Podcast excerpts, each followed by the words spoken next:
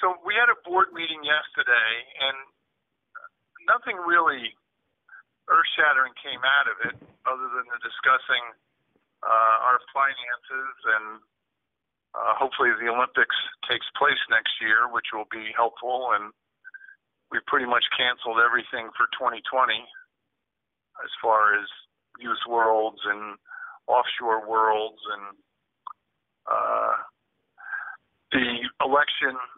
Um, I ended up chairing that committee with two members of the election committee and two members of the Constitution committee, and we have a vote of the M and A's, which uh, concludes on June 18th. So hopefully we get approval to do an electronic vote for the election. Yeah, so that is So still subject to the M&A's approval. Well, the, the, we need the M and A's to approve it, um, and we need 75% of them to say yes to go ahead with an electronic election, and then the election committee, not us, not the board, but the election committee needs to publish the procedure, how it actually works, and uh, that that'll have to get approved too. But you know, it'll be out for comment. There'll, there'll be, I think, a three-week period where people can uh, make suggestions on on what they propose. Do you have any idea of what it's going to land on? Do you, do you think it's going to go through?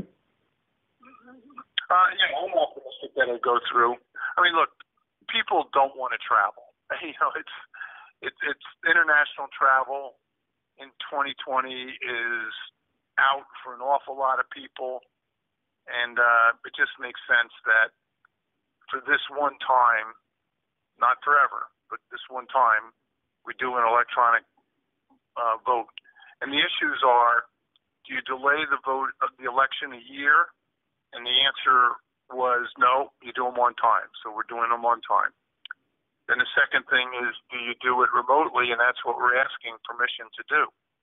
And we need a 75% vote. And if we get that, then we'll, the election committee will publish the procedures and the timing, and they will appoint a uh, firm, you know, KPM, I don't know if it's KPMG, but somebody like that, one of the big accounting firms to uh, administer the whole thing. So I'm optimistic it'll go through, and uh, it, I sure hope it does because we want a lot of participation, and an election's important, as you know. Yes, of course.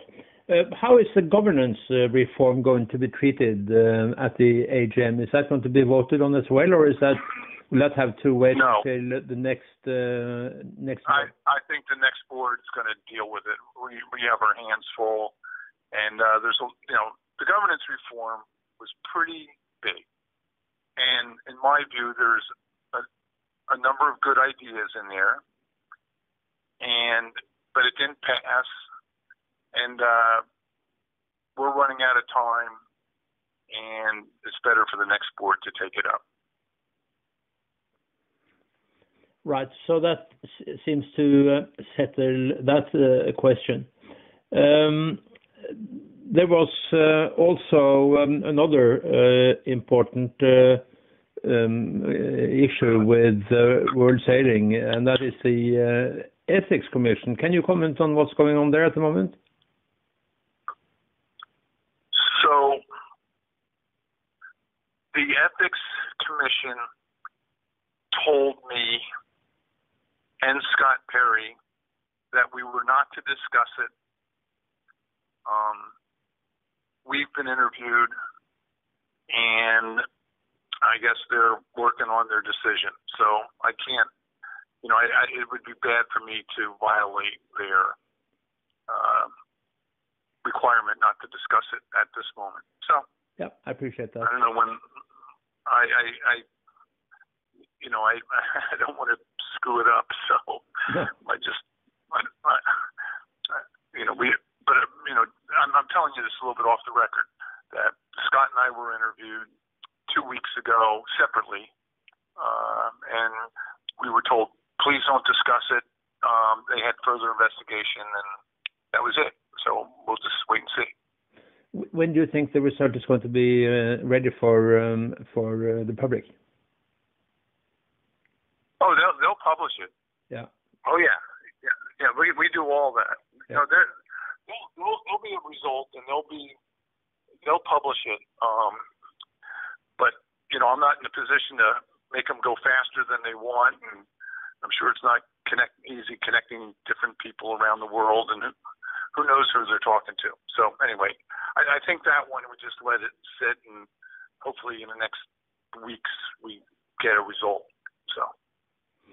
Okay. Um, Gary, when we last spoke, you said that um, your time with World Sailing is going to end um, uh, after this uh, uh, period. Yeah. You still have a position in international sailing. Can you see that you will be serving on any of the committees? Is that something that you would like to do, or would you like to get out of World Sailing altogether? Um, you know, I have 70 years of uh, experience and advice and expertise. So if uh, one of the committees offshore or somebody needed uh, some advice, I'd help them. Hmm. But I'm not campaigning. I'm not running for president. My terms ended up as vice president. Uh, so, you know, at that at the high level, I will be done. Okay. I'm not going to abandon the sport. I frankly, I'm very determined that we have this double-handed offshore race in the Olympic Games. So if I can help that, make sure it happens, I will. Okay.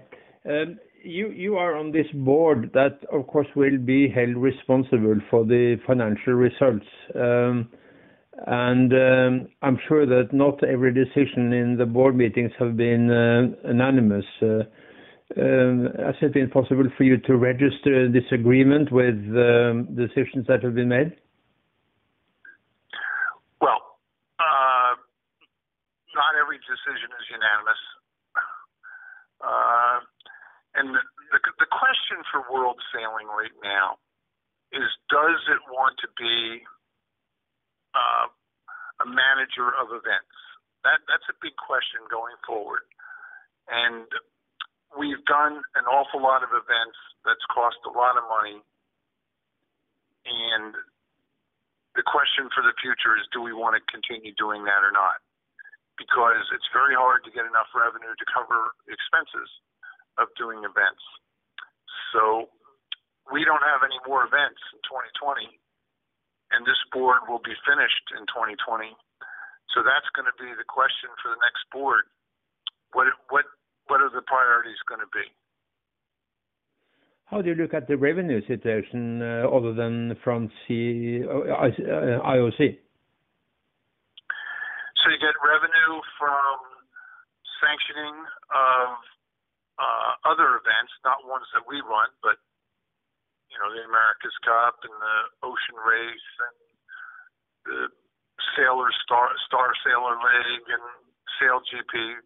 You get revenue from measurements, uh, licensing when you buy a boat that's an international class, like the Laser or 505, you get revenue from that. There are sponsorships for the organization, Rolex, for example, clothing. So there's a lot of sources of revenue. Uh, and events are something that need to be looked at. You know, some events are pretty good. They pay for themselves, like the Youth Worlds seems to be pretty good. Okay, that's great. Olympic class regattas, you know, should we do a handful or not? That's a big question that needs to be answered in the future. How do you think World Sailing should position itself to be more attractive for sponsors?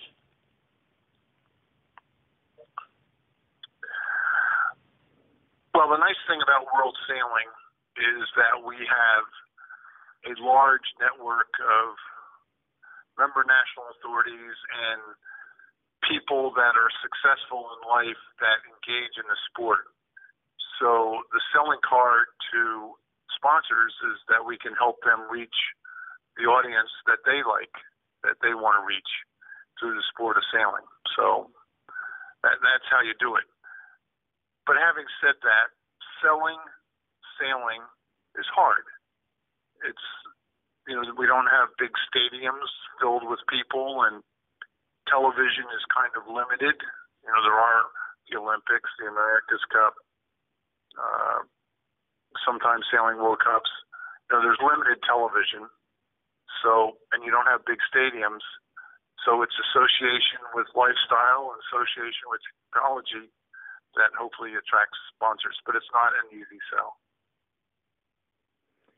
Uh, you are, of course, an expert on America's Cup. You have been associated with this for a long time. You even you even, you even won it at, at one point. Um, do you do you have an opinion of uh, uh, how things develop with the uh, foiling mono or or, double hulls? Um, as opposed to going back to um, displacement uh, boat. I kept looking at um, a video from Uh, from um, uh, Spain, from uh, the America's Cup, where um, um, where Alinghi defended the cup some time back. And I have to admit that I've found that really more exciting to watch than any anything in sailing. So uh, let me make two comments. Uh, at World Sailing, it's not our position to advocate for any kind of discipline or boats uh, in the America's Cup. It's our job to provide for the racing rules of sailing and the judges and umpires and measurers and uh, certified race officials and make sure that the regatta is fair and the regatta is safe. So that's the position of world sailing. For me personally, this is just me, not world sailing. I like sporting competitions where the competition is close. I like it when the lead changes. I like it when there's compelling personalities. I think the America's Cup should be sailed by people of their own country. In other words, the American boat should have Americans and the Chinese boat should have Chinese, and the Norwegian boat should have Norwegians. Uh, I like uh, traditional boats that people can relate to. Most people uh, sail on keel boats of different sizes, and the America's Cup probably should be bigger and faster than that, but people should be able to relate to the sport in a way that they do. So if I were the czar of the America's Cup, I'd have it in a 90 or 100 foot monohull. I'd have national crews. I'd return to traditional match race courses. And um, I think if you did that, you'd have an awful lot of challengers. In 1987, there were 13 challengers from seven countries and four defenders. So that 17 different teams were racing in Fremantle. Pretty good. And uh, now we have three challengers, maybe four. I don't know if the fourth will make it. So, and then one defender. So that's a big difference between four or five teams versus 17 teams. So the national crews and a compelling monohull seems to me that would be good sometime in the future. But that's me personally. Mm. I think it was also pretty good in Valencia with a lot of challenges um, when it was in the International America's Cup class. Well, it, it was you know pretty much natural national crews, and it was a compelling monohull, and the lead changes. I mean, the New Zealand uh, battle uh, against the Alinghi was good. I mean, the score was five to two, and every race was close, and the leads changes, and that's what you want to see in sports. I thought Valencia in 2007 was perfect. It's exactly what you want to see. Mm. Um, Gary, you have been involved, I think, in hiring the new CEO um, for World Sailing, who starts his uh, position uh, on the 13th of uh, July. What, what will be his first jobs, you think? Well, I'm very happy that we hired David Graham. He's going to be good, and he's got a long time experience uh, in the sport of sailing at high levels, and he's a good manager, and I think he's the right person for this time. You know, his his priority is to take a good look at our finances. Uh, I think we've corralled it, and then make decisions. Where do we go from here? What our priorities are, and he'll have to do a lot of listening to people. And um, on a positive note, because the sport of sailing is in a pause, no Olympics this summer, no uh, major championships through the next several months, he'll have some uh, time to get acclimated before the annual general meeting and uh, get things organized for the next board. So his, pro- his his priority is going to be listening to a lot of people and setting our priorities for the future. Uh, regardless uh, of the um, governance uh, reform, will he be instructed to have a more transparent uh, management than before?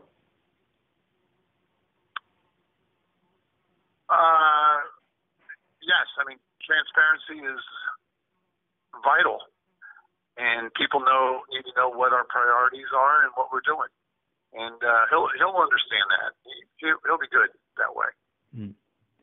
I suppose that he is going to remain completely neutral in uh, the uh, elections of a new board and uh, new president. Uh, uh, yes, the, the employees. Yes, the employees at World Sailing, all of them will have to uh, stand to the side and let the election happen. You know, who knows how elections are going to go, but no, they, David Graham and all the other Alistair and Daniel Smith and all of them have to stand on the side and let the M&As decide who's going to be on the board and who's going to be the president. That's why we have elections. I guess I'm not going to be successful uh, with that question, but um, would do you have a preference as to the next president? uh, let, let me ask you: Do you know of anybody more than Kim Andersen or Gerardo? No, I don't.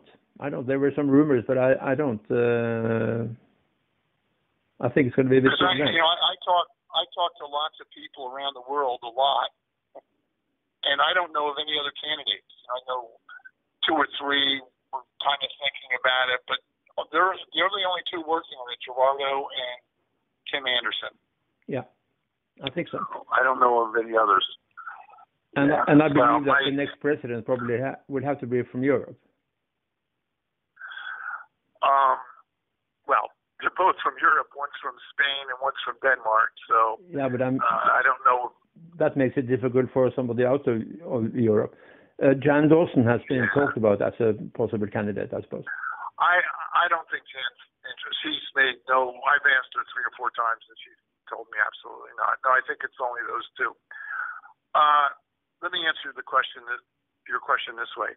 About a month before the election, I I will have an opinion, and I will voice it publicly of what I think should happen. But I don't think at this early date I should say anything with a preference. And the reason is I don't know if there's a third candidate. We don't know. I don't think so, but maybe somebody comes along and uh, maybe that'll be a good candidate. So I think right now I don't have an opinion, but like I said, about a month before the election, I'll, I'm going to let my opinion be known. Mm-hmm.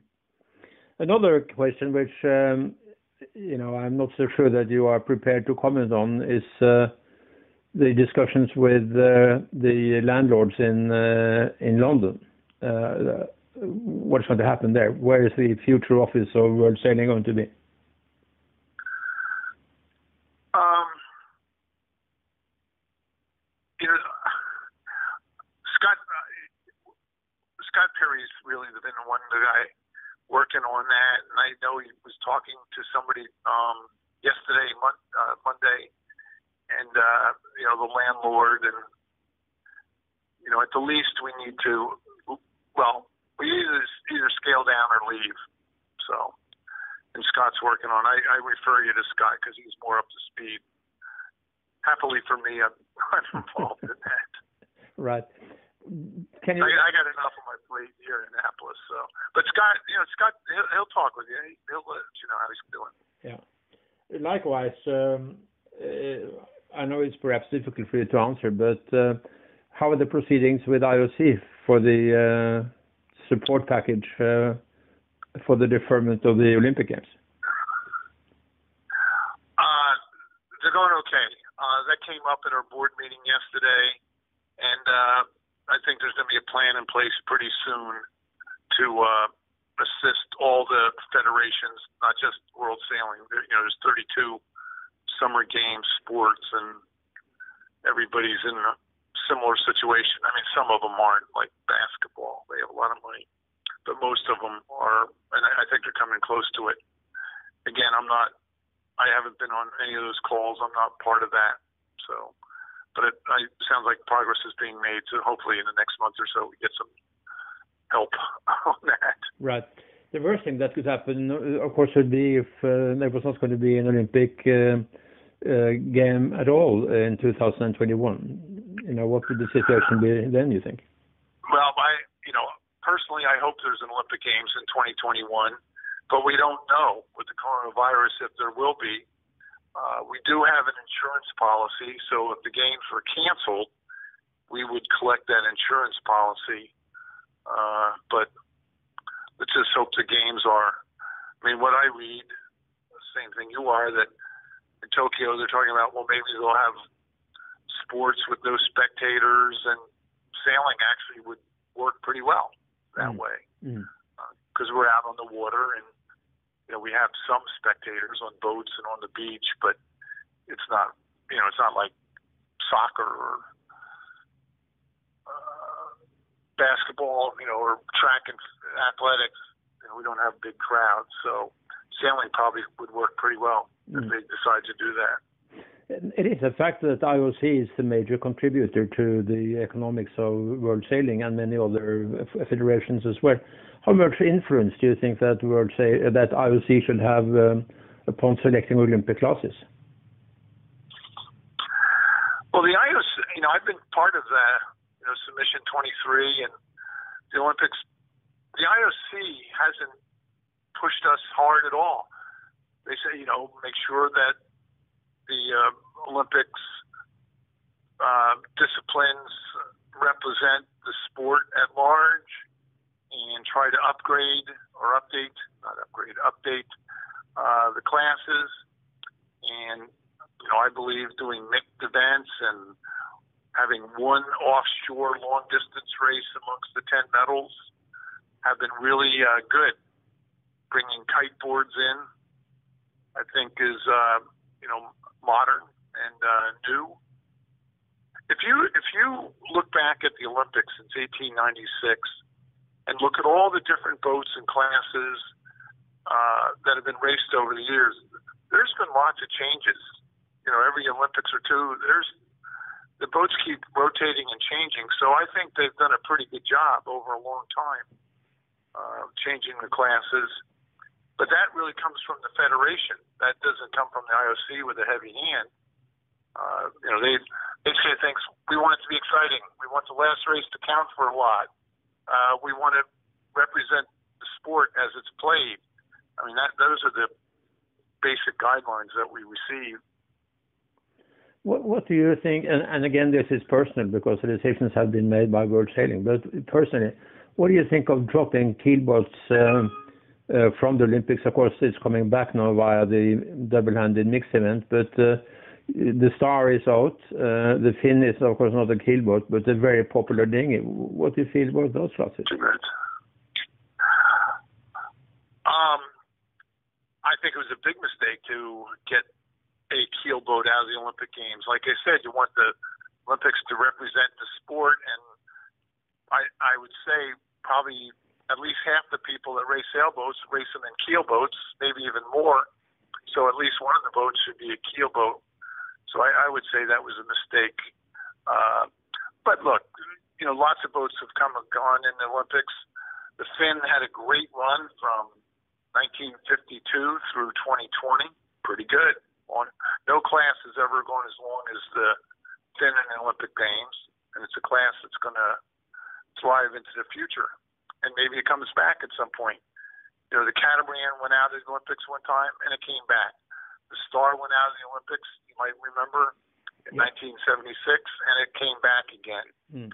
So, uh, you know, classes come and go, and but but surely, with 10 medals given out, one of them should be in a keel boat, and offshore long distance racing is played by so many people, and one out of ten, I think, should be in offshore. So that's why I'm so mm-hmm. happy that we have long distance offshore race in the 2024, 2028. That, that's going to be very interesting. Uh, it's a very expensive uh, uh, class. And how many boats uh, would you need to see on the starting line for this event to be a success?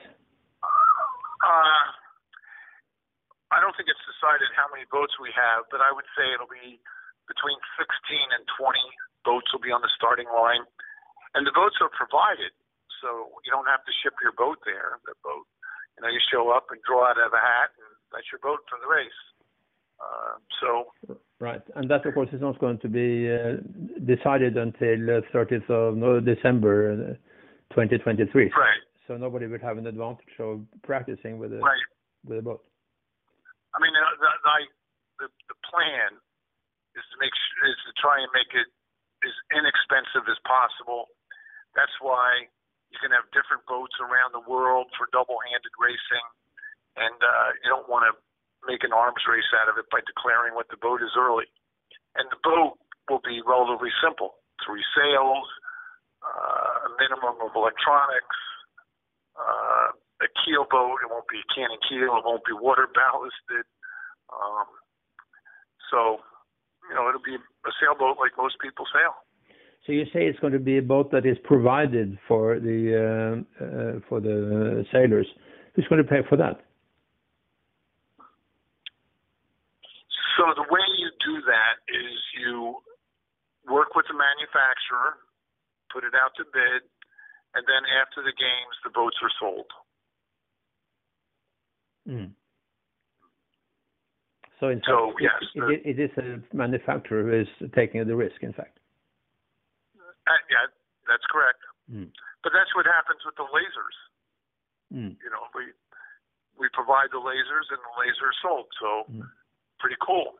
Mm. You you know, I I actually did in '96. Uh, uh, they had the lasers in uh, Savannah, and after the games, I bought one of the lasers, and I had the Olympic rings on it. It's very cool, sailing my laser with the Olympic rings on the bow, and uh, and you know, I got to buy it for a little less than a new boat would have been.